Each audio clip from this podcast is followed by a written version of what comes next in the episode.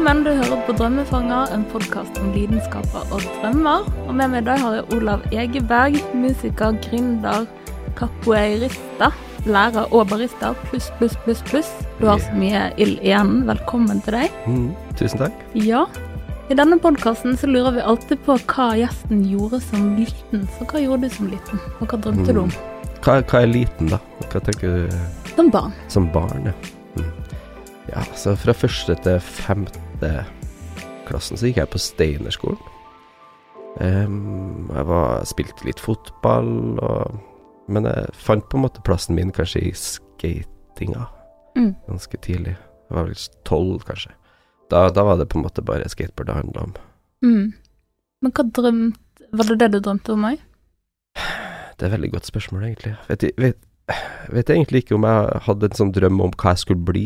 Nei. Jeg var vel kanskje i nuet hele tida. Så jeg tror ikke jeg hadde noe sånn at jeg skulle bli brannmann eller politi, eller Nei. Jeg bare liksom gjorde mest mulig ut av det, det jeg likte der og da, da, på en måte. Ja. Og det gjør du jo fortsatt. Ja. Det er jo derfor du er her. Ja. eh, men det er vel egentlig litt langt tilbake, egentlig i 1998. For da, startet du å jobbe på kafé for første gang, Ja, blant annet, ja. blant annet. Og du begynte, var også da du oppdaget capoeira. Mm, riktig. Eh, men du har jo også startet Smakverket. Det har jeg òg. Perlen i Rasmus Leier. I, Rasmus Meyers allé. Allé 3 Tu- eh, tusen takk. i kode 2, Mm. eh, som eh, mange bergensere elsker. Ja. ja, det er veldig kjekt. Og da lå jeg på en link der. Var det da du fant ut at eh, du var interessert i å Hmm. skape den type møteplass? Ja, ja. Eh, altså, hvis vi går tilbake, kanskje Jeg går tilbake til eh, da jeg var 16, da. Så er det jo i hvert fall blitt veldig tydelig for meg eh, nå i ettertid at jeg har vel alltid vært veldig sånn sosialt skrudd sammen, da. At eh, alt jeg har hengt fingrene mine i, handler veldig mye om folk. Enten om det er liksom et sosial møteplass, som kafé kan være, eller capoeiraen, eller også musikk. Liksom ikke vært den derre virtuos eh, type musikeren som pugger på skalaer, eller Men det er mer det å gjøre det sammen med folk, da. Ja.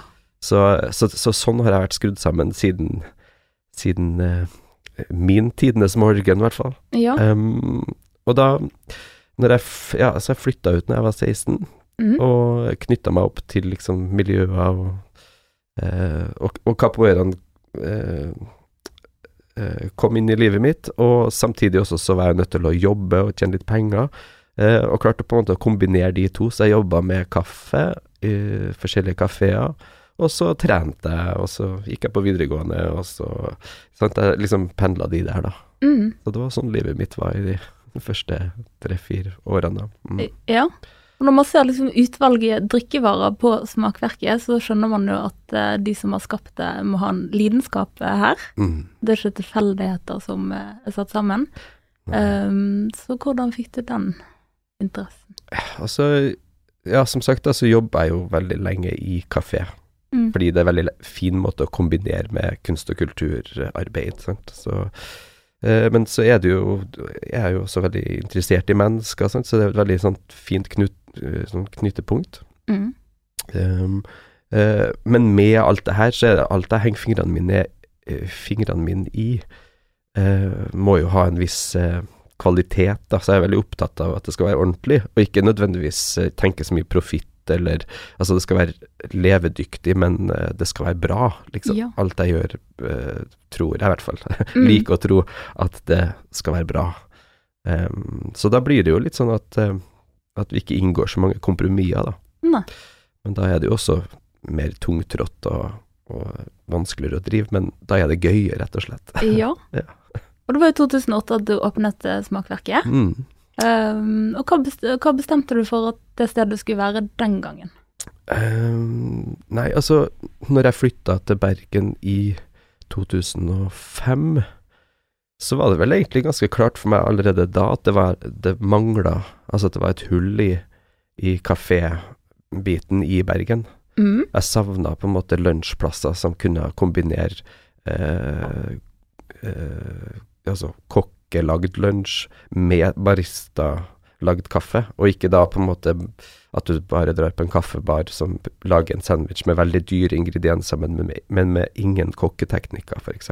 Mm. Eller motsatt, at du drar på en bra restaurant som kanskje har lunsj som sekundær interesse, på en måte, og så Ja.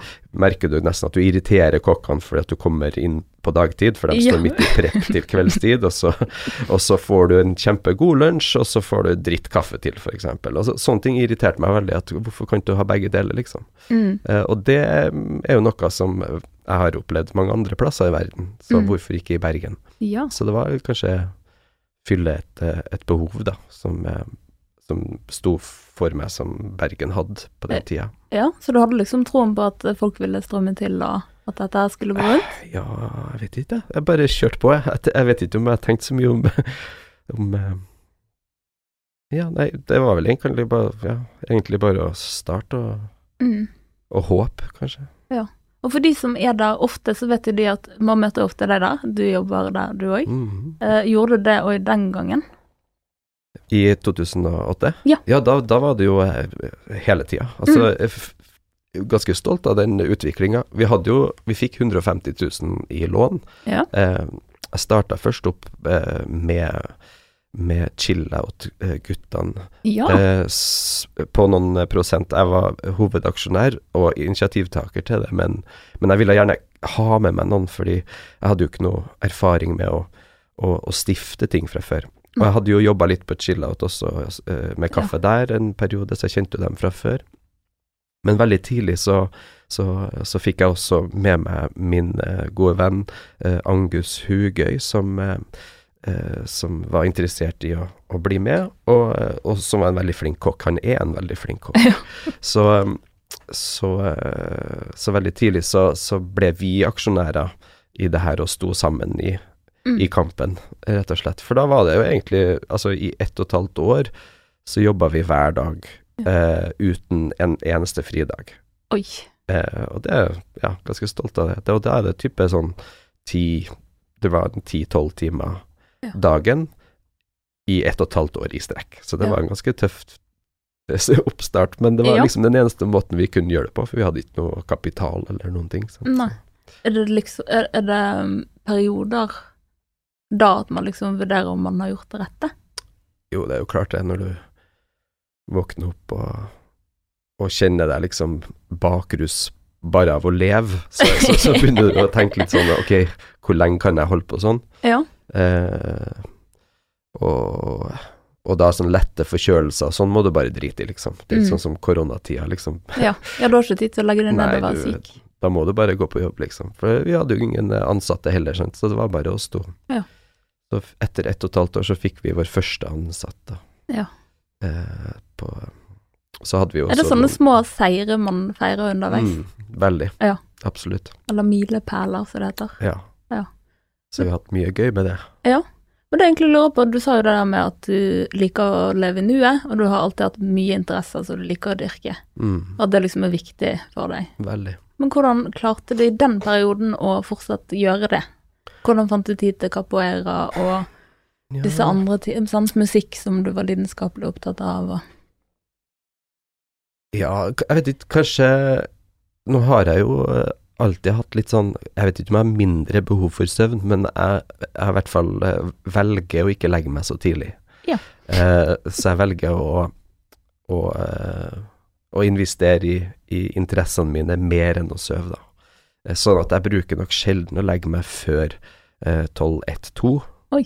Eh, og på den måten så har jeg liksom noen veldig deilige kreative timer på natterstid. Mm. Veldig, veldig ofte. Ja.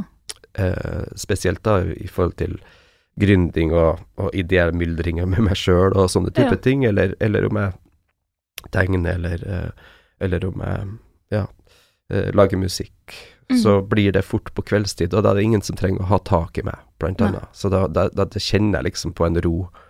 Um, ja, det er ingen mail som skal besvares, det er ingen Nei. telefoner som renner inn. Nei. Det er ingen som lurer på, på hvor den siste eh, rapporten, eh, økonomirapporten er. Skjønner? Altså, det Ja. er liksom da er det bare meg, da. Ja. Og da, da er jeg nok i mitt ess eh, sånn rent kreativt, ja. Men du er jo fortsatt produktiv, så vil det egentlig si at hele dagen din går med på å egentlig gjøre Mm. jobbrelaterte ting, da? Ja, både og. Eh, liksom, I dag så er jo capoeiraen også en slags jobb, siden, siden jeg, jeg Altså, jeg har jo treneransvaret og reiser også både nasjonalt og internasjonalt og Ja. hel kurs, men jeg, men, men jeg vil jo si likevel at det Capoeiraen er jo no, noe som har forma meg så mye at at det kanskje ikke Selv om noen syns at det er en jobb, så mm. er, er det likevel kanskje et sted jeg ofte drar til for å få energi og, og lade opp batteriet. Ja. Selv om jeg står foran og, og, og holder treninga eller er ansvarlig, så drar jeg derifra med mye mer enn Mm. jeg kom med. Ja. Jeg vet at du har noen tanker bak eh, hva du vil gi med capoeiraen. Hva er det, Ja, hva er det du ønsker å bidra med? Ja. sånn i tillegg Altså bare capoeira i seg sjøl er, er, eh, er jo noe jeg syns de fleste burde i hvert fall sjekke ut. Mm. Eh, mange er jo ikke kjent, helt kjent med hva det innebærer. Eh, men, eh, men sånn rent eh, sånn, ja, i dag, eksempel, i det samfunnet vi lever i i dag, så vil jeg jo si at capoeira eh, innehar veldig mye av de kvalitetene som kanskje ofte kan opptre som mangelvare i dagens samfunn. Da. Og da Mm. tenker jeg spesielt på, på, eh, på sosiale verdier, samarbeid, eh, eh, samhandling, Mm. og, og også det med å kunne bevege seg og gjøre noe som kan være eh, idrett, uten at det skal være konkurranse. Det er på en måte eh, noe jeg ofte finner i, i skatinga òg, faktisk. Ja. ser liksom gutten min, han, eh, han er veldig aktiv skater i dag, og han får jo mye av det samme miljøet som jeg får i capoeiraen. Ja. Så, så det, det er jo kanskje på en måte bærekraft. Eh, og da tenker jeg bærekraft ikke bare som i miljø og klima, men bærekraft skal jo også omhandle eh, det sosiale, mener jeg. Det er Mm. på en måte en, en eh, viktig hjørnestein i, i bærekraft òg. Ja, jeg tenker kanskje noen er nysgjerrig på hva Mange har hørt om capoeira, men det er ikke alle som vet nøyaktig hva det er. Har du lyst til å forklare egentlig hva det går ut på? Ja, skal prøve å fatte meg i korthet. Ja. Eh, her kan jeg jo gå veldig dypt, men mm -hmm. um, altså hvis man googler det, så vil noen komme til å skrive uh, at det er en kamuflert kampsport. Jeg vil jo kanskje si at det er en litt feil framstilling, eller en veldig forenkla en. Um, vil heller si at for 500 år siden, under kolonitida, så tok portugiserne med afrikanske Altså, de tok med De stjal mennesker fra Afrika, Ja. frakta dem over til bl.a. blant annet Brasil. Eh, og på bakgrunn av det, det de hadde i Afrika av eh, kulturelle manifestasjoner, eh, eh, ritualer, eh, tro Altså hele Hele, hele Ja, eh, de tok med seg såpass eh, Nå roter jeg litt.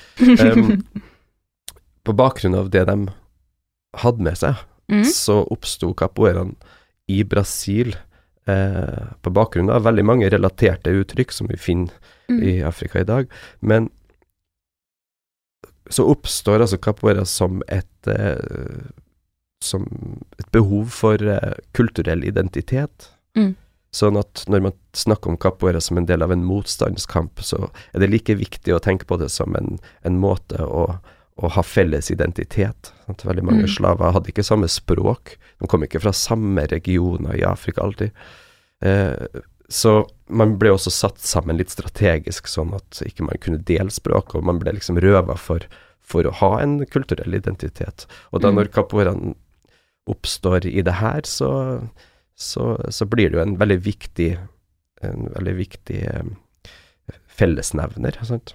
Ja. Og så har du en senere tid, da når, når eh, etter eh, slaveri, eller om du kan si at det ble eh, Altså, hva, hva heter det Opphørte. Ja. Altså, etter slaveriet opphørt Yes. eh, i 1888, mm. så, eh, så var det jo fortsatt på en måte undertrykkende strukturer som som, eh, som du vil jo fortsatt si at det egentlig at, eh, at eh, det var et slaveri fortsatt. Så Ja. rent system, på et systemnivå så var det jo det. Mm. Eh, og da vil, tok jo også capoen til gatene, sant, Mm. og, og var en del av en urban kultur, på samme måte som hiphopen også har hatt veldig eh, sterk forankring til gatekultur i USA, så har også capoeiraen hatt stor del i, i gatekulturen i de store brasilianske byene. Ja, og jeg tenker at det er jo det forholdet mange har til capoeira, fordi at man har sett blant annet mm. i. Brasil har funnet mye glede Mm, og trøst kanskje i, i det, da. Sånn Veldig. som Kolibri-redet sitt arbeid. Da. Riktig. Kjempe, Det er utrolig fint. kjempeviktig, og, og det er noe veldig internasjonalt med det òg, fordi selv om det er veldig sånn Brasil Det er jo en grunn til at capoeira har liksom tatt hele verden med storm. Mm. Altså at du finner capoeira i, i alle byer i hele verden omtrent. Mm. Um, Rett og slett en samlesport. ja, du, det sier noe om hvor, hvor, eh, hvor internasjonalt eh, sånn appeal det har, da. Ja. At, eh, at um, selv om det er på en måte Brasil sin uh, identitet, og i forhold til rytmer og en del av ja, språket, ikke minst, Mm. um, og eh, religion, som ofte er representert i, i form av forskjellige sanger. Ja, det er veldig mange aspekter da, som man kan på en måte Mm. eh, si at det er veldig typisk Brasil, men samtidig så kan vi si at det er også et, noe som eh, som snakker til ungdom og eldre i hele verden, så Ja. det er kanskje noe mer Ja. Jeg tenker For oss som kjenner det litt, da, så gir det veldig mening at du som type har funnet fram til sånn type sport som er internasjonal og har disse aspektene ved seg. Mm. Men for de som ikke kjenner seg, eller kjenner deg, da, så tror de er litt nysgjerrige på hvordan du på en måte ble introdusert for dette. I eh, 98 så var det en eh, Nesten kallende han en, en ekstrønder. Han eh, Torkjell Leira. Mm. Eh, han, eh, han var allerede tilknytta eh, capoeira-gruppa i, i Oslo, som den gang het Capoeira Nanev, som var en, en studentorganisasjon. Så det var mer sånn capoeira i snøen, det kan du oversette det med, da. Eh, men det var altså tilknytta en gruppe fra Sobradinho i Brasilia, Mm. eh, ved navn Grupo União na Capoeira. Og allerede der så er det mesteren min som grunnla den gruppa, var allerede opptatt av Unio, altså union, samhold. samhold. Så Ja. det var på en måte et slags konsept fra dag én, så det resonnerte veldig med meg, da. Mm. Eh, og han Torkjell Eira, han kom til Trondheim for å holde en workshop, og jeg var på den workshopen. Ja. Og eh, da var vi eh, tre stykker som bare ble helt eh, Ja, vi fant skikkelig vår Du ble stemme. frelst. Ja, jeg ble, jeg ble rett og slett eh, frelst. ja. Fant vår stemme i capoeiraen og, og kjørte på. Trena flere ganger om dagen og, Fantastisk. og bare Flere ganger da har du bytta, for å si Ja, det- ja, vi- mildt. Det var, det var, det var jo hver dag, hver uke. Og Ja. vi hadde eh, til og med treninger på i en turnhall i tillegg, så vi kunne gå fra capoeira-trening til turnhallstrening Mm. til Altså, det var liksom bare capoeira. På kvelden satt vi og øvde på språk og musikk og spilte instrumentene, så det var liksom Så det, det endte faktisk opp med at jeg flytta ut når jeg var 16, inn i en hybel i kjelleren til han ene kompisen min, da. Okay. Sånn at jeg, jeg, jeg flytta hjem til han for å ha muligheten til for å å bare gjøre det hele tida. Ja. Og i 2003 så flyttet du til Brasil. Ja, bo tidlig i 2000 så, så, så slapp jeg Da hadde jeg spart opp litt penger, og jeg hadde jo allerede en del venner i, i Brasilia. Det er jo innlands-Brasil, og det er ikke så mye turister i denne drabantbyen uh, utafor Brasilia. Men jeg hadde et uh, miljø, en, en del venner der fra før av. Noen hadde jo vært og besøkt oss i Norge før det òg. Mm. men da dro jeg dit, og så bodde jeg i skuret. Ja. I skuret til, eh, til ene mesteren min eh, Ja. i eh, til sammen ett og et halvt år. Da. Ja. Og det var jo en fantastisk eh, Jeg følte du at du kom enda mer i dybden på Mm. capoeiraen? Ja, ble liksom kjent med, med folket. Og kanskje ikke bare kjent med kulturen, men liksom ble en del av kulturen. Mm. Sant? Jeg var liksom ingen turist lenger. Altså, det er litt rart, men først når jeg kom til Brasil og var der en stund, det var da jeg ikke ble turist lenger. Ja. Eh, så kanskje gjennom en del sånne prioriteringer, så tror jeg tok steget inn i å være en kulturbærer sjøl, og ikke Mm. bare en, en nordmann som syns det her er gøy, men at investerte såpass mye i det at jeg ble en del av det. Mm. Og tenk en sånn opplevelse å bo ett år i et skur i Brasil, eh, det må jo være litt så livsforandrende egentlig? Du var ikke den Ja. samme når du kom hjem derfra som når du dro? Nei, det var jeg ikke. Nei. Hvordan vil du si at du ble endret? Kanskje det som, eh, det som endra meg mest, var jo kanskje øh, Eller hva er det viktigste du tar med deg fra den, Altså, en, det oppholdet? Kanskje at, eh, at eh, Ja, at du kan lage et hjem hvor som helst. Altså at vi, vi kan Så lenge vi knytter oss til mennesker, så kan du liksom føle deg hjem hvor som helst. Ja. Litt sånn som da jeg flytta til Bergen, det tok ikke lang tid før jeg Ja. knytta meg til noen og, og fant hjem her. Og Mm. Det er jo litt sånn eh, Ja, du lever litt i nuet, og du setter pris på det som er, og det mellommenneskelige og det relasjonelle. Mm. Eh, prøve å knytte deg ekte mennesker som gir deg noe positivt. Mm. Og da spiller det liksom ikke så mye rolle med materielle ting, alltid. Og det lærte jeg jo selvfølgelig veldig mye i Brasil. Ja. Eh, hva som teller, og ja, heng, heng med venner, eh, tren. Eh, ikke ha sånt eh, tidspress på at man skal være Ja. der og der hele tida, Ja. og bare liksom la ting skje, da. La ting utvikle seg og sånne ting. Ja. Du har rett og slett eh, definert hva som er viktig for deg, så har du holdt deg til det. Mm. Altså du prioriterer etter det.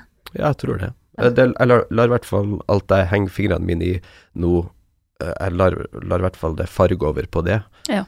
Det er jo klart at jeg må jo, jeg må jo også forholde meg til byråkratiet og, og tidsfristene og, eh, og familieliv og leietid og sånt. Men eh, likevel så kan jeg på en måte legge til rette for mest mulig eh, og, og rom i dagen som kan være litt mer flytende, da. Ja. Og i dag er jo du professor i capoeira. Ja, det heter professor. Heter det? Ja, Profes- professor. Ja, professor. Ja. I 2012 ble jeg gradert til professor. Det er jo egentlig et ord som betyr lærer, sant. Ja.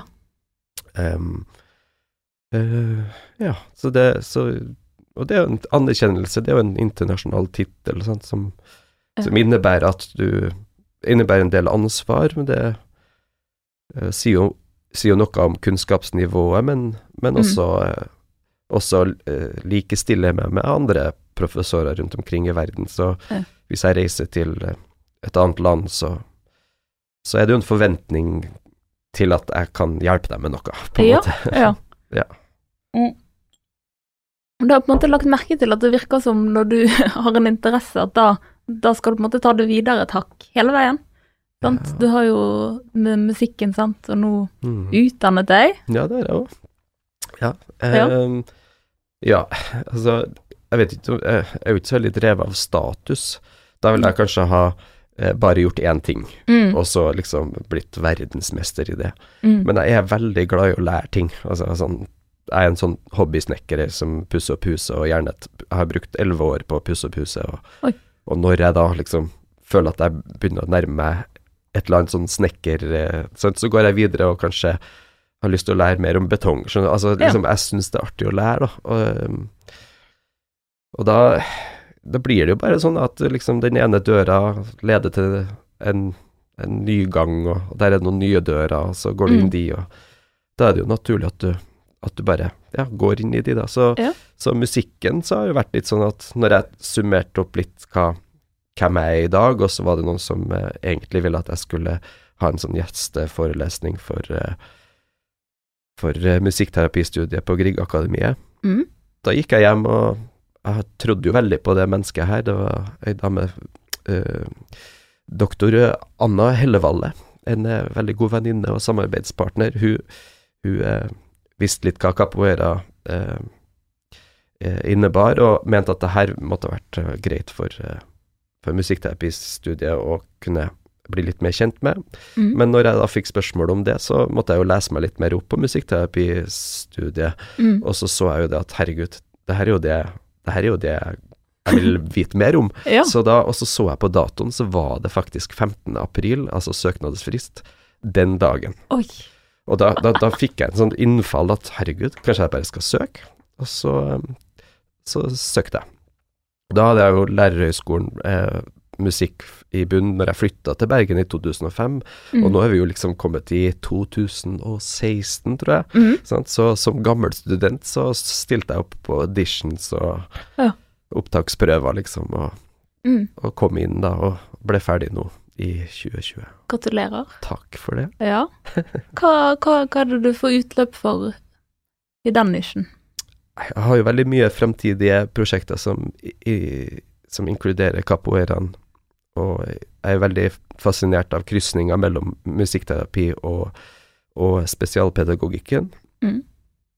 Jeg har veldig troa på sånne arenaer som capoeiraen er et eksempel på, der, der deltakelse er liksom, det er en lav terskel for deltakelse, og du bruker musikken som en naturlig del av det arbeidet. Um, og da er det jo klart at som capoeira-lærer og musikkterapeut, så, så er jeg vel kanskje eh, godt utstyrt til å kunne sette i gang en del prosjekter som jeg har troa på, da.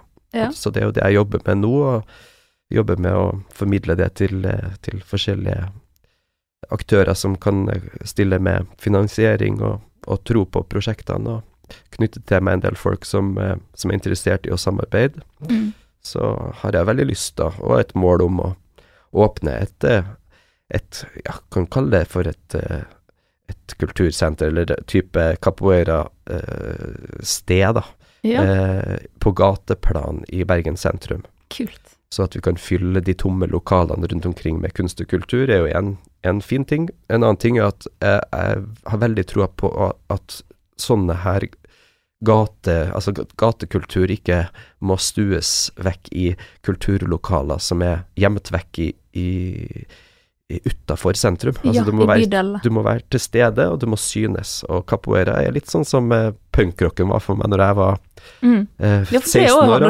Ja, jeg, jeg, jeg, når jeg møtte Ja, jeg, var, jeg vræla i et band og ga ut vinyl og Ja. Ja, det var kjempegøy tid, det. Men sant, jeg ville jo at folk skulle se at jeg var punkrocker. Ja.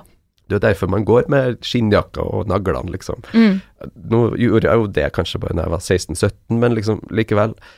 Det, det miljøet der er jo veldig Det er mye energi, sant, og, og det handler litt om å, å finne ut hvem du er, og vise verden hvem du er. Mm. Og, og, det samme er capoeiraen eh, i stor grad, og da, da er det også litt spennende hvis du kan få synes når du gjør det. Altså at du kan være bak vinduer i et gateplan, der folk kan se inn, Mm. og både ungdom og eldre på tvers av eh, både ja, alder, kjønn og interesser og alt sånt, men du kan møtes der i capoeiraen, og så bygge identitet rundt det.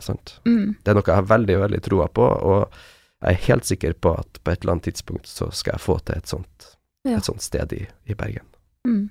Og du har mye fokus på unge med det du gjør. Du ønsker å Mm. påvirke positivt. Hva tror du det kommer av? Ja Altså, jeg vet ikke helt hva det kommer av, men eh, altså, ungdom er jo herlig, da. Nå har jeg jo ungdommer hjemme sjøl òg, de er jo 16 og 12. Ja. Det er helt sjukt, egentlig, men, Ja, eh, men altså Og jeg er jo fortsatt en del av eh, mange av de miljøene, selv om jeg stepper Ja, stepper litt sånn ut.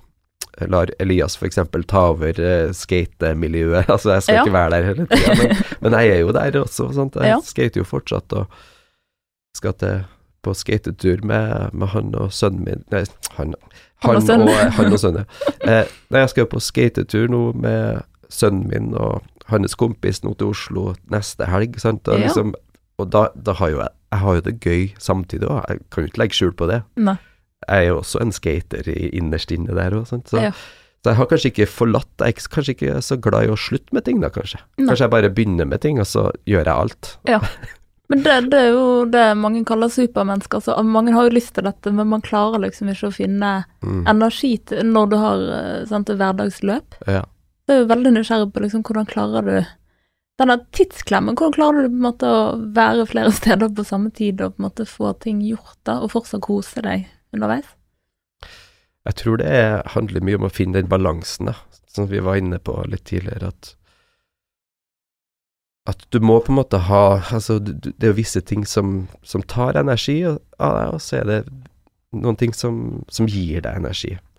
Og, og det trenger ikke å ha noen ting med om det er jobb eller ikke. Sant? Så hvis jeg, hvis jeg eh, jobber med mennesker Jeg elsker å lage kaffe, jeg elsker å snakke kaffe, jeg elsker å lage mat òg. Jeg elsker alt som smaker. Jeg syns Mm. det er gøy, interessant. Alltid syns det.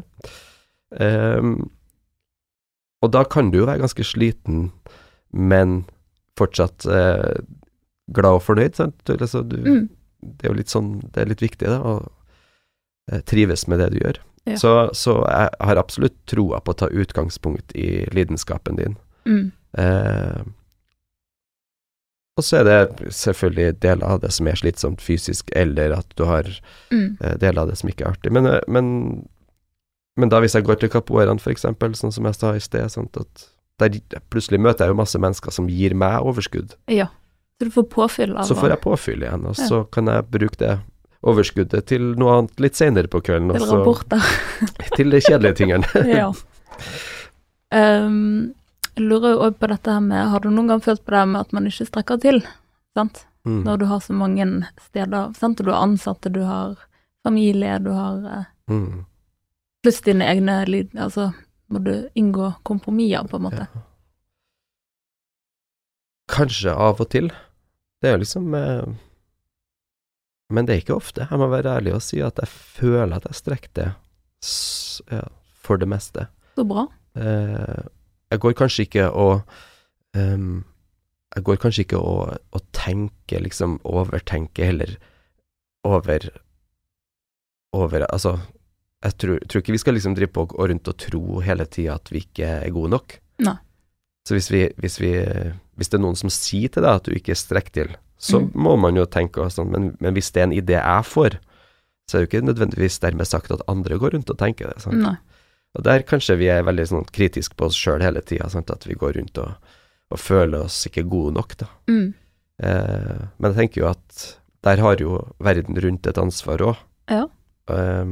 Å si fra hvis noe er off, eller at du burde gjøre det litt bedre, eller hvis du har en god dialog med din partner eller venner, eller Så kanskje man kan være litt flinkere til å ta inn signalene utenifra, og ikke nødvendigvis liksom hele tida gå og tvile på seg sjøl. At Mm. man er At man ikke strekker til. Og det tror jeg er ganske mange som går rundt og føler at de ikke strekker til, Mm. eh, men så, så strekker de til mer enn godt nok. Mer enn nok. Ja, det er ofte egne forventninger, kanskje. Ja, det tror jeg. Og da merker jeg sjøl, så går jeg jo på dansing, men det er hiphop, da. Mm. Og så eh, yoga. Da merker jeg de to tingene. Mm. Da forsvinner du. Du forsvinner langt inn i en annen verden. Du er helt nede i kroppen, og du har ikke kontakt med hodet, på en måte. Mm. Alt bare går på Det er så herlig. Ja, og da merker jeg at når jeg forlater de to studioene, da, da er jeg så glad. Så glad. Ja. og da tenker jeg liksom, hvorfor gjør man ikke mer av de tingene? Mm. Sant? Det er det som gjør en glad. jeg tror, eh, tror du har helt rett. Og så tror jeg det er noe spesielt når du, når du det, Sånne opplevelser får vi ofte når vi kobler på kroppen. Ja. Og det der med å miste tid og sted, det er ofte en, sant, en opplevelse av tid der vi har det kjekt. Ja. Og vi har eh, vi, Og jeg tror de kommer veldig, veldig fort når vi kobler på kroppen. Ja. Så det er nok et eh, sånt rent sånn folkehelsemessig, så er det jo klart capoeira, og så er bare det å få folk til å bevege seg mer, Mm. og, og være litt mer i Eller sånn som du da har funnet finner hiphopen, eksempel. Dattera Ja. mi danser også veldig mye hiphop, og, Ja. og gutten min eh, har funnet skatinga. Altså det er Ja. litt sånn eh, at folk må røre seg litt, da. Ja. Og så, så trenger jo ikke alt å være konkurranse, sant. Nei, det er jo for egen del. Det er akkurat det. Men Og da tenkte jeg på dette med sånn vi gjør så mye, men kanskje litt mer fokus på hvordan vi er når vi gjør det. Mm. Da var det jeg tenkte at Olav må i podden, for det, det er mitt inntrykk av at du er til stede når du gjør ting. Ja. Prøve så godt jeg kan, ja. Mm. Jeg, jeg vet ikke. Det Ja, jeg liker å være til stede. Mm. Jeg, jeg tror kanskje jeg alltid har vært mye mer i nuet enn jeg har planlagt, liksom. Jeg har aldri hatt noe, noen helt sånn Jeg har ikke staka ut en vei i livet og et mål langt der framme som jeg skal komme til. Jeg tror jeg er ganske mye i nuet hele tida. Ehm, og da kan du gå feil, og så kan du gå rett, men det skjer i hvert fall ting, da. Mm. Så, Men du tenker jo fremover, for du har noen planer i fremtiden som jeg vet om. Og du fortalte jo egentlig om det med dette ja, senteret ja, i forhold til de tingene der, ja. Jo da. Man må jo av og til sette seg noen, eh, noen mål, selvfølgelig, mm. men, eh, men man skal jo leve samtidig, da. Mm. Altså, da er ikke det det eneste jeg gjør. Jeg lager jo fortsatt musikk og Har også Mm. lyst til å gi ut mer musikk, men det er jo ikke sånn at jeg har en dato på det. Altså sånn, Jeg liker jo det å lage musikken. Ja. Eh, jeg liker å fære på trening. Jeg Ja. liker å eh, spille med folk. Jeg liker å lage kaffe. Jeg Ja. liker å være med mennesker. Så det er ikke selve sluttresultatet som du er opptatt av, Nei, jeg er er mer veldig- prosessen. Veldig glad i prosessen, ja. Og jeg tror, jeg tror eh, Jeg tror at hvis du er veldig glad i prosessen, så kommer en del eh, produkter og Ja. sånt av seg sjøl, da. Ja. eh, kanskje lettere enn om du gjør det andre veien. Mm. Um, da kan det komme veldig mange produkter, men de kan være skikkelig dårlige. Sant. Du er veldig idérik. Er det sånn at du føler at du må gjennomføre alle disse ideene? At oh, det må bli til noe konkret? Å nei, nei. Nei. Jeg har uh, uh, Som jeg, jeg har holdt noen gjesteforelesninger på BI, blant Mhm. annet. Eh, og der snakka vi litt om det med å være seriegründer, for det er noe jeg syns er litt interessant. For det, det er jo noe jeg kan si i dag at jeg er. Jeg har jo uh, deltatt i mye gründerarbeid av flere ting, mm. og også tatt initiativet til å åpne uh, andre restauranter i mm. Bergen. Um, men det jeg tror er viktig, det er at ikke du setter deg ned og tenker når du er ung, at du skal bli en seriegründer. Nei. Du skal bare være en gründer. Ja. Du kan ikke tenke liksom til, altså, Selv om statistikken sier at eh, hvis du har to dårlige eh, prosjekt, så vil det tredje bli en suksess.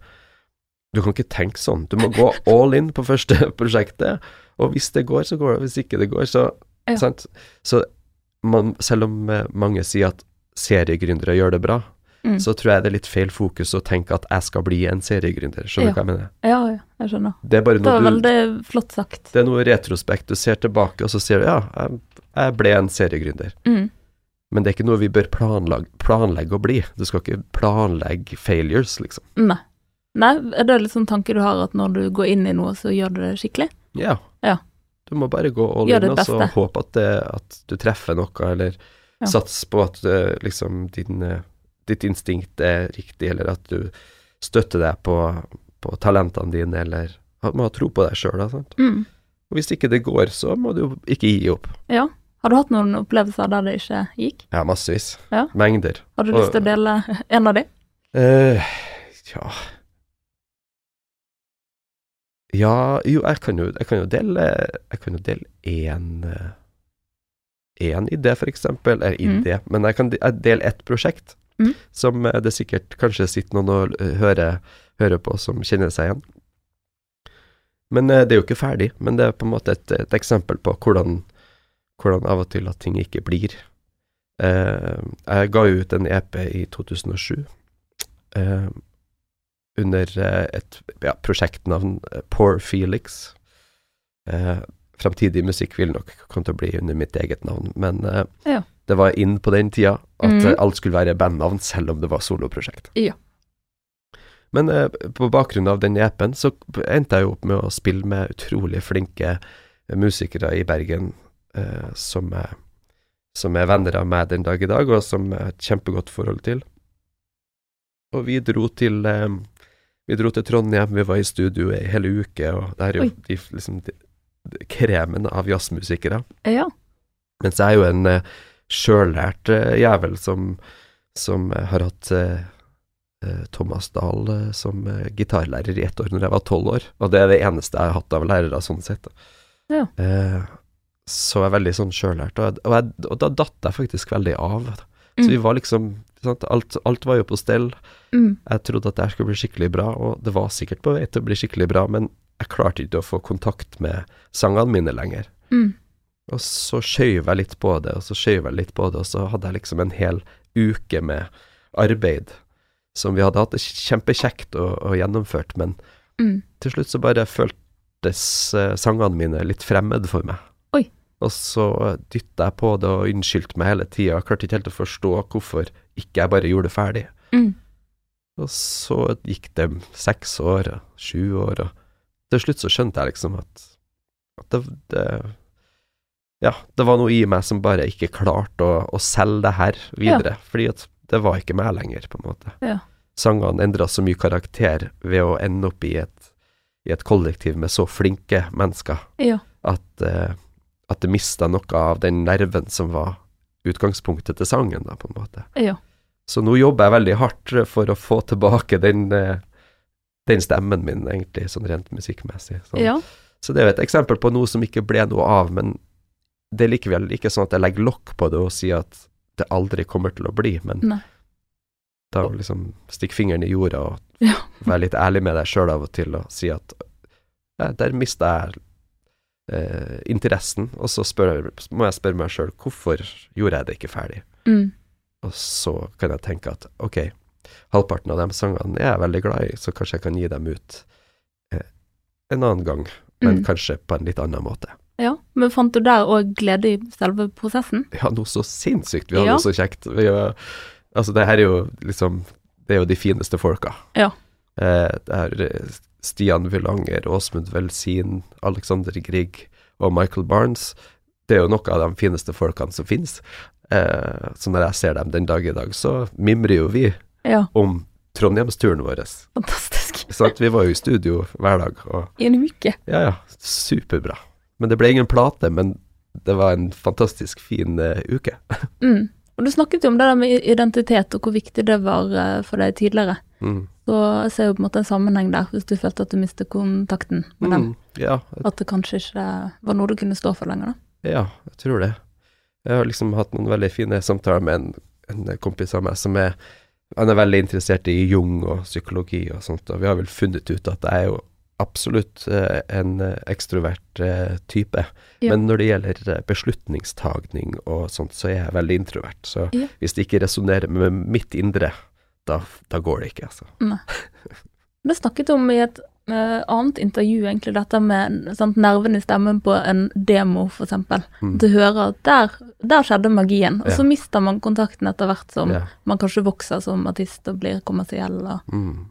Ja. Er det noe fint der? Det er noe, i hvert fall med musikk som eh, formidler følelser eh, på den måten, sant? så er det jo en, det er jo nerve i, i et liksom i en vokal som er litt søkende, og som kanskje har mer kontakt med teksten, eller det er en tidlig fase, man kanskje ikke blitt så vant til å synge det at man, man tolker det mer enn man bare eh, gjen, gjenformidler det, på en måte.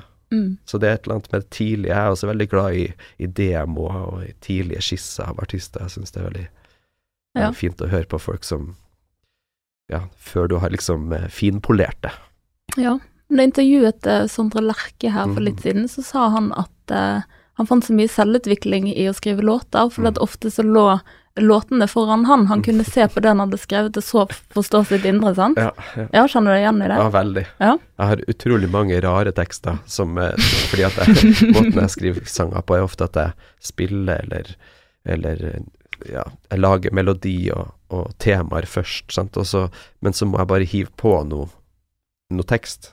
Ja. Og da blir det på en måte noe veldig ubevisst, der du bare finner tak i noen ord som passer til stemningen, og så blir det et eller annet tema som du rep repeterer, Mm. og så utvikler det seg litt, grann, og plutselig har du eh, et eller annet eh, Altså, det er et eller annet eh, Du bare skraper i underbevisstheten, rett og slett, og Ja. får det fram.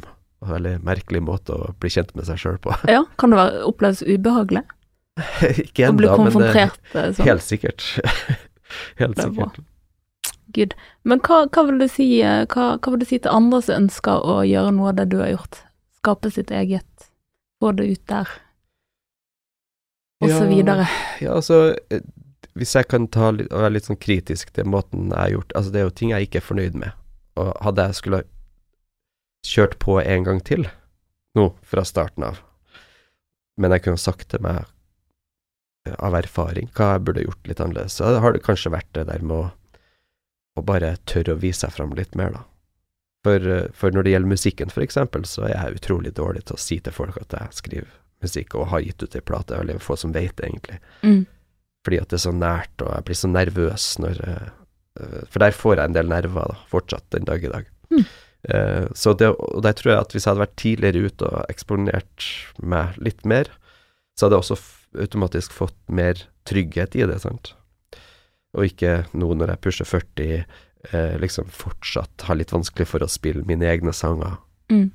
foran folk, fordi at det blir så nært, da. Mm. Eh, og der, der tenker jeg at hadde jeg skulle sagt det meg sjøl, så hadde det kanskje vært å bare ja, vært litt mer og vist litt mer eh, hva jeg holdt på med, delt mer, fått flere, to, altså flere streker, altså to streker heter det kanskje, under svaret, litt Ja. oftere, sånn at jeg kunne lagt fra meg en ting, gått videre til neste, Ja. og, og blitt flink ved å bare gå videre, da. Mm. Mens jeg har kanskje hatt litt mer sånn vanskelig for å dele, så jeg endte opp med å, å holde det veldig for meg sjøl, og da har det vært litt vanskelig å gå videre òg. Mm. Så tar du med deg en sang i ti år istedenfor at du bare liksom blir fornøyd med den, og så går du videre til neste. Ja. Men er det sånn terping fordi at du er perfeksjonist på det du gjør? Jeg tror det er en todelt eh, ting. Jeg tror det er liksom eh, plusser og minuser med det der, sant. Så perfeksjonist, ja, men kombinert med, med at du eh, Ja, at du At det blir så nært at du kanskje ikke Ja. Så unngår å vise. Uh, så det, jeg vet ikke. Det er kombinert med perfeksjonisme er det, det kan jo være en litt eh, skummel vending, da. Det kan bli litt vanskelig Ja, innimellom.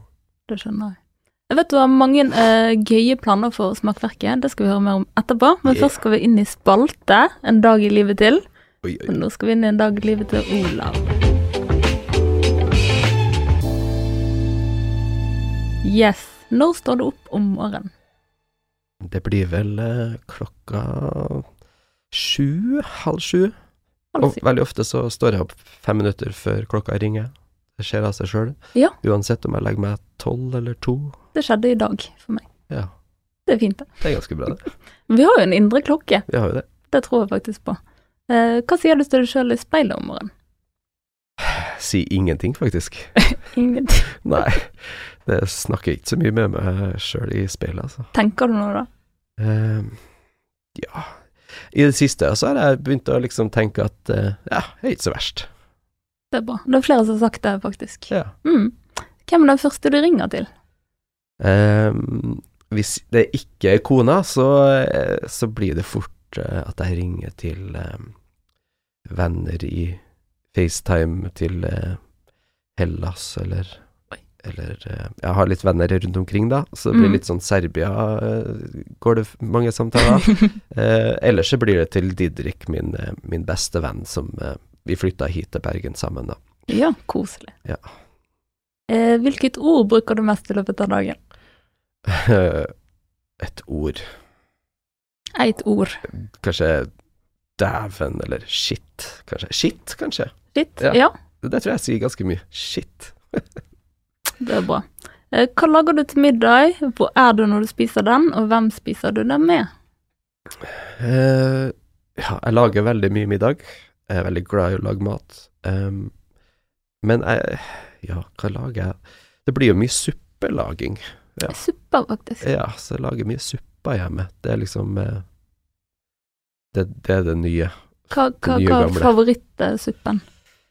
Eh, kanskje um, gulrotsuppe med ingefær og appelsin. Ja, det går mye Det, det gjør mye, med litt kokosmelk og sånne Høres ting. deilig ut. Um, ellers så blir det jo blomkålsuppe, er jo, er jo eh, ungene veldig glad i. Um, ja, prøve å variere litt. Mm. Og da spiser jeg jo da som regel ofte med, med familien. Med gjengen. Med Ja, konemor og, og min datter og min sønn. koselig. Mm. Hva gjør du på en fridag? Hvis du har. Ja, da, ja, eh, da snekrer jeg da, vet du. Ja. For det er alltid noe som står igjen på huset, så, og så har jeg bygd ut huset også i, Mm. i ettertid. Så jeg har fått ja, bygd ut huset med en litt sånn kultursal, eller ja, Ja. et sånt En sjelelig stue uten TV, men med, med instrumenter og plass til å bevege seg. Så, så det, der står det jo igjen en del arbeid, og så Og hvis det er fint vær, så jobber jeg i hagen, eller i urtehagen. Du er produktiv det meste av tiden. Ja, jeg, Du er ja, det? jeg er det, altså. Det er ikke mye. Men samtidig så liker jeg å legge meg i hengekøya. Eh, vi har hengekøye inne i den, i Ja. den uh, kulturstua. Mhm. Og da, da ligger jeg også ofte oppi den og, og ser på hjernedøde filmer, uh, Ja. actionfilmer, bare for å liksom koble av òg. Mm. Sånn at jeg, jeg gjør begge deler. Jeg sitter liksom ikke alltid og dykker dypt i en bok, liksom. Altså, Mm. jeg også har behov for å bare bli underholdt. Ja, for hvordan kobler du av utover det? Nei, da, da kan det være eksempel åpne en flaske vin, eller eh, ta en øl eh, i hengekøya, og så ta på eh, øreklokkene, og så se film på telefon, liksom. Ja, såpass. Ja. Ja. Ligge inni den kokongen der og bare ta fri i to timer. Kule den liksom. helt Ja. ned. Eh, Hvilke podkaster hører du på? Nei, det er jo deg, da. Uhu. Hører ikke så mye på podkast. Eh, Ja. Går rundt og ler litt i Radioresepsjonen innimellom. Ja, Eh, de er ja, de er jo på grensa ofte, men det er liksom Det er noe veldig ekte med de guttene der, da. Mm. Eh, men eh, nei, det blir mest musikk, altså. Ja. ja så det lytter til mye. Det går jo rundt med øreklokkene hele tida. Mm. Har du noen som favorittartist, eller band, eller Jeg har eh, nok ikke noe som jeg kan trekke frem akkurat nå som sånn favorittartist som står der oppe, men jeg har alltid vært veldig glad i Radiohead, og, og gjerne det nye, mm. og ikke det gamle nødvendigvis, men, Ikke det gamle. men, eh, men eh, In Rainbows-plata til eh, Radiohead Mhm. har jeg nok hørt i hjel ganske mye. Eller så har jeg mm, et sterkt forhold til Nick Cave, og Ja. det har jeg hatt siden jeg flytta ut. Kanskje jeg følte at jeg ja, bygd litt identitet rundt det med å være alene til eh, Ja. litt eh, depressive toner av, eh, av nikkeren. Uff. Men eh, mye fin musikk der, altså. Ellers så går det jo selvfølgelig mye capoeira-musikk og, Ja. og, og brasilianske og afro-rota musikk. Der er ikke jeg så oppdatert, så hva musikk holdt på å si, danser man til, eller hva? Nei, altså, i capoeiraen så lager jo vi musikken sjøl, sant. Det er en Mm. egen sjanger Mm. eh, som, som ikke du finner andre plasser, som Mm. består av eh, av flere birimbaoer, da. Det her strengeinstrumentet som er et rynt- rytmeinstrument, -hmm. eh, men med forskjellige rytmer som, som sier noe om hva slags eh, fysisk spill som man skal spille. Ja. Eh, og med der så har du jo liksom en atabak, en, altså en konga-lignende tromme, du har en pandero, som du ofte hører i bossa novaen, eh, sant? Den ja, bossanova, heismusikk. ja, ja, men du kan kalle det heismusikk, men Nei, det er jo på en måte. Jo, nei, men det, du har helt rett. Men det er jo kanskje litt sånn Det er jo blitt veldig fint med jazzen, sant, men Ja. det er jo egentlig en videreføring av, eh, av noe som er litt mer samba og pagode og liksom de her sam, samba-sangene som blir satt litt mer i i Mm. jazzete stemning, og da blir det fort litt sånn eh, eh, heisete, ja. Enig i det. Hvilket lesestoff ligger og venter på nattbordet? Nei, nå, nå, nå i siste så har det jo bare vært eh, faglitteratur eh, til musikkterapien, da, så det har gått veldig mye i det. Mm. Eh, Men hva slags form at du syns det er gøy å sitte og lese på det òg. ja, eh, ja, også veldig mye capoeira-litteratur òg, for det er så mye eh, som jeg ikke har lest, så jeg føler liksom at jeg kan lære noe hele tida. Mm. Uh, og så er jeg veldig glad i faget mitt, så jeg har liksom Da blir det veldig sånn, ja, kjekt å lese, uh, ikke bare lese Ja, lese mer faglitteratur enn skjønnlitteratur, egentlig. Mm. Um, men ja, det er jo kjekt, da. Og så og så lære noe hele tida. Og så, og så syns jeg det er veldig gøy når du kan noe om ting, til at du kan begynne å trekke eh, paralleller eh, og, og se sammenhenger. Ja. Når jeg får sånne aha- aha-opplevelser fortsatt, så, så fortsatt, går det et sånt rush i meg at jeg, Ja. hvis jeg kan eh, knytte eh, forskjellige fagfelt sammen, eller, Mm. eller historie eh, Og se sammenhenger som andre ikke har tenkt på før. Da, da får jeg et skikkelig rush. Ja. Og da vet jeg at du har litt tanke bak eh, med alt du driver med, at du, du viderefører det ene inn i det andre og Sant? Ja, det, det er et godt poeng. og Litt eh, fint at du tok med. Um, jeg har For jeg ble spurt, eller nå i disse dager, så blir jeg spurt ganske ofte om Ja, hva skal du gjøre nå, da, når du er ferdig utdanna? Sant? Og så tenker jeg liksom at eh, jo da, jeg prøver jo nå å stake ut en vei med det her prosjektet med capoeiraen og, og eh, de sosiale prosjektene som jeg ønsker å bruke energien på. Men som musikkterapeut og eh, også en forkjemper for eh, samfunnsmusikkterapi og Mm. perspektiver som, som handler litt mer om hvordan vi finner plassen vår i kultur og samfunn, så, så vil jeg jo si at veldig mye av det jeg gjør i dag, har jo en samfunnsmusikkterapeutisk forankring. Mm. Altså, jeg kan, jeg kan jo være musikkterapeuten Olav som, som bruker smakverket som, som et, et fint sted som folk møtes, sant. Altså, og når jeg går rundt her og passer på at folk har det kjekt, så er det jo på en måte fortsatt Olav som gjør det, da. Mm.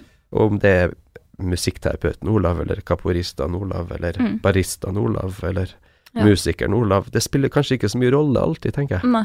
Det er derfor at vi kanskje skal, ja, være litt mer oss sjøl, kanskje, sant, og ikke tenke Mm. at uh, du bare må være én ting. Ja. Vi er jo alle veldig mye ting. Ja.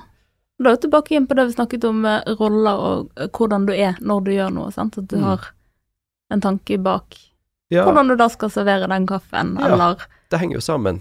Altså, Sant. jeg gikk jo jeg, Som sagt, jeg gikk tegning for form og farge på videregående. Mm. Eh, at kanskje Jeg vet ikke om jeg trodde at jeg skulle bli kunstner, men, jeg, men allerede da så var jeg i hvert fall veldig opptatt av prosessen, og, og, men også litt sånn eh, estetisk eh, interessert, sånt, og, og alt, all den kunnskapen der om prosjekt, da, liksom hvordan du skal angripe en utfordring og, og, og liksom skape noe. Mm. Det tok jeg jo med meg inn i alle prosjekter jeg gjorde etterpå som ikke hadde noe med tegning, form og farge å gjøre, men som var capoeira eller musikk eller Og jeg tenker jo liksom at Ja, i dag nå Vi må kanskje omstille oss litt. Mm. At um, At det, det er kanskje ikke den derre at, at ikke vi søker den der jobben vi skal være i 40 år i, og få gullklokka, liksom. Mm. Men at det blir jo mer og mer vanlig at folk må omskolere seg eller lære noe nytt. Det går kjempefort med teknologien, ting endrer seg hele tida. Ja. Vi må også omstille oss. Mm. Og hvis vi har flere bein å stå på, så tror jeg vi kan gjøre det veldig mye enklere. Ja. Så um, hvorfor ikke kombinere alt det her? Du blir bare flinkere til ting ved å være flink til ting. Ja. Og det her med å kombinere lidenskaper og gjøre det til eh, en livsstil og Mm. en jobb, da. Absolutt. Det er jo det du har klart. Ja. Ja. Eh, prøve i hvert fall. Ja. Men da tenker jeg at du kan ikke være så opptatt kanskje av trygghet. For det er kanskje det som stopper mange fra å gå for lidenskapen sin. Eh, Ja, men, jo, men, hvor, men hva er det som er trygt, da? Jeg tror folk tenker at Kommunejobb er trygt. fast, arbeid og liksom forutsigbar eh, løp Ja, men det er ikke trygt. trygt det hele, vet du. Jeg tenker kanskje det, men jeg vet at mange, Ja, mange gjør ja, men jeg, jeg tror du har rett. Jeg Mm. bare tror at det er en falsk trygghet. Jeg tror at, at med mindre du jobber i Bergen kommune, så, så skal ikke mye, mye til før eh, jobben din eh, plutselig henger i en tråd. Mm. Eh, veldig sånn pessimistisk eh, innstilling. Men jeg tror likevel det er en realisme i det at vi må kanskje ikke Vi må liksom ikke føle at vi Det er jo ikke det at vi skal gå rundt og føle at vi lever på lånt tid, men, men vi skal heller ikke liksom Ja, gå rundt og tro at alt sammen er, skrevet i stein og spikra og Mm. Altså, alt er Alt går forbi, på en måte. Ja. Og da må vi jo være litt i nuet og, og nyte når vi er i det, da. Ja. ja, vi må nyte tiden mens vi er her. Det syns jeg Man vet jo aldri når det er over. Nei. Det òg. Nesten kanskje bare begynne å spise desserten først, Ja. Ja, sånn i tilfelle.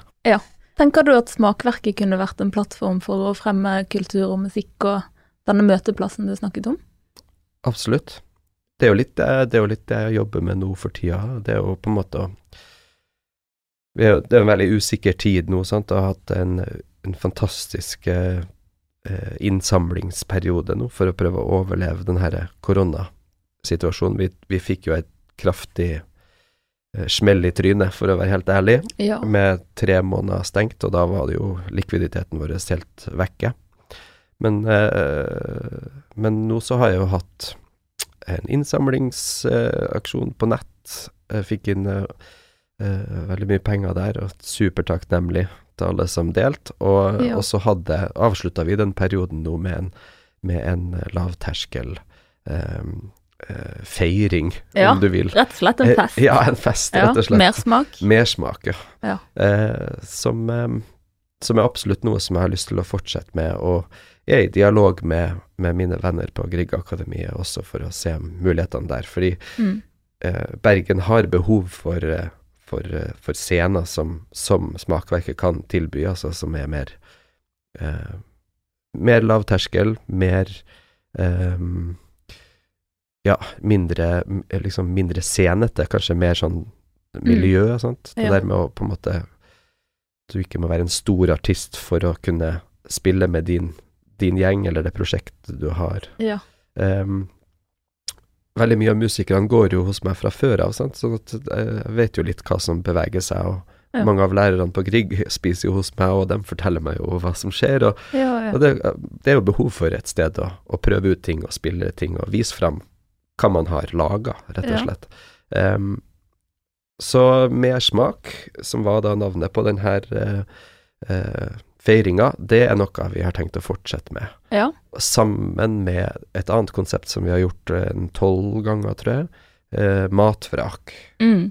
Og da er det rett og slett bare at, eh, at jeg, jeg lager helaften, at der folk får gode ting, rett og slett. Så Ja. betaler man liksom for vinen og maten, og så, så kjører vi kvelden som om det var et bryllup uten at noen skulle gifte seg, på en måte. ja. Og det er så god stemning. Folk skåler og eh, hilser og roper til hverandre og, fra bord, og, og eh, ja, at man lager liksom en kollektiv, eh, kollektiv kveld, selv om man sitter på bord med, med sine egne, så er man på en måte i et rom med Ja. andre som opplever det samme samtidig. Sant? Ja. God atmosfære. Det er òg din måte å måte introdusere smakverket på kveldstid. Mm. Mulighetene som ligger der.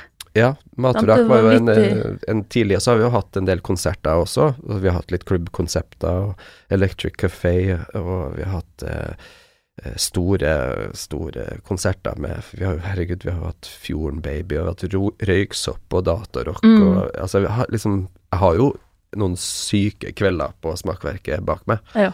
Eh, men, eh, men jeg har jo vurdert nå dis- i, i senere tid også åpne opp på kveldstid. Ja. Er litt mer sånn på fast basis. Ja, også altså, for jeg er jo eh, som sagt veldig glad i ting som smaker godt. Ja. Og det må jo ikke være kaffe, det kan jo være vin. Og jeg er veldig glad i naken vin. og eh, tenker absolutt at vi kan eh, videreføre den kaffebarestetikken inn i kveldstid over den, ja, med den gode samtalen og Ja. det gode i glasset.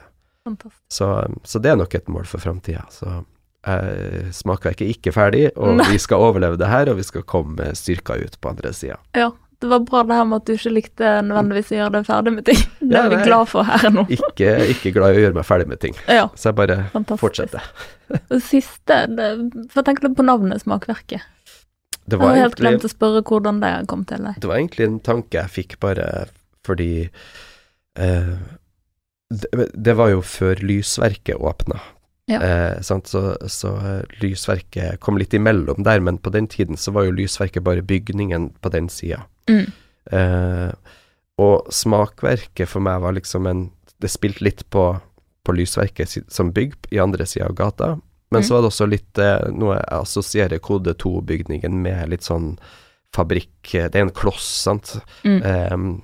Eh, arkitektonisk så skal det jo være tungt, men det skal virke som at det flyter litt over den her glassdelen i- på gateplan.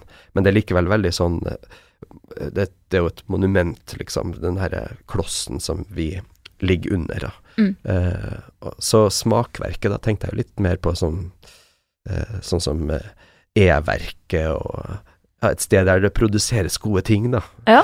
En, eh, en fabrikk av gode ting.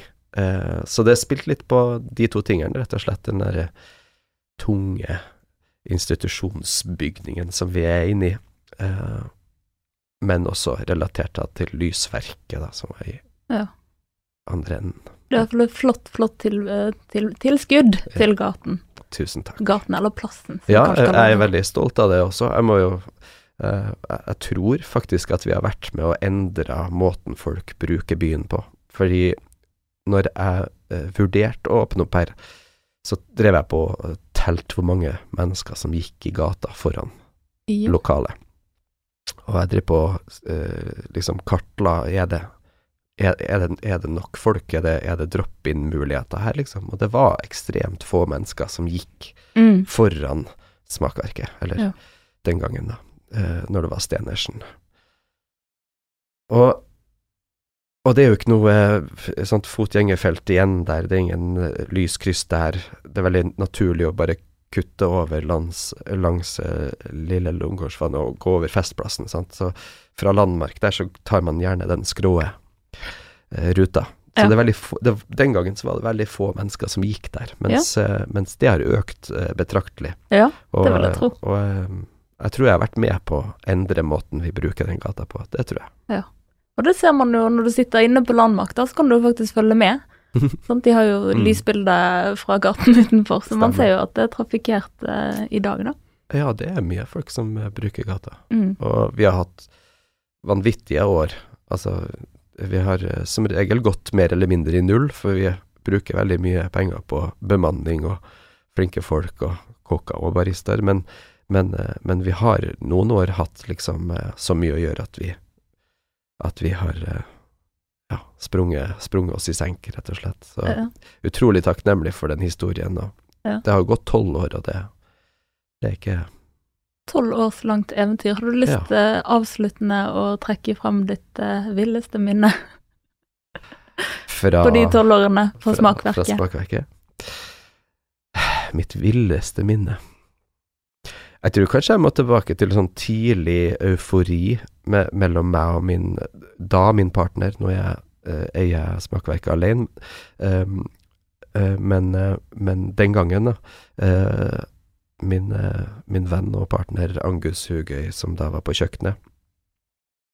Jeg husker utrolig godt den første dag, gangen vi gikk over 10 000 i omsetning. Det, hadde, det var på en måte noe vi liksom gleda oss til, jobba Ja. veldig hardt for, og da tror jeg vi hadde hatt åpent i og jobba mer eller mindre da hver dag i de første årene der. Um, og jeg tror kanskje um, etter et par år så traff vi liksom 10 000 Ja. eh, over vanlig. Sant? Da var jo også sandwichene mye rimeligere. Og? Så det er jo ganske mange salg da, på to mennesker, og alt skal lages i nuet. Sant? Ja.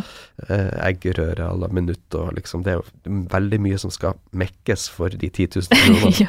Eh, men når vi, når vi var nærme ganske mange ganger, så, så merka jeg liksom at vi bygde opp en forventning. Sant? At å, Ja. håper vi klarer det her en gang, liksom. ja. Og når vi klarte det, så var det liksom Det, det var en Det var en veldig sånn Ja, vel, fin, fin opplevelse, og, og veldig kjekt å ha noen å dele det med den gangen. Da åpna vi en flaske vin, og liksom følte vi at åh, nå klarer vi det, liksom. Feiret. Ja, Fantastisk. ja veldig fint. Det er veldig fint. Så det er kanskje det. Så man må feire underveis. Ja. Man kan ikke bare tenke at uh, man skal feire når man uh, har penger på konto. Man må jo liksom bare feire delmålene underveis, tenker Ja. jeg. Kanskje det nesten oppsummerer hele samtalen her. Ja. Feire livet. Da begynner vår eh, samtale går gå mot slutten. Tusen hjertelig takk som kom, det har vært utrolig koselig. Tudelu!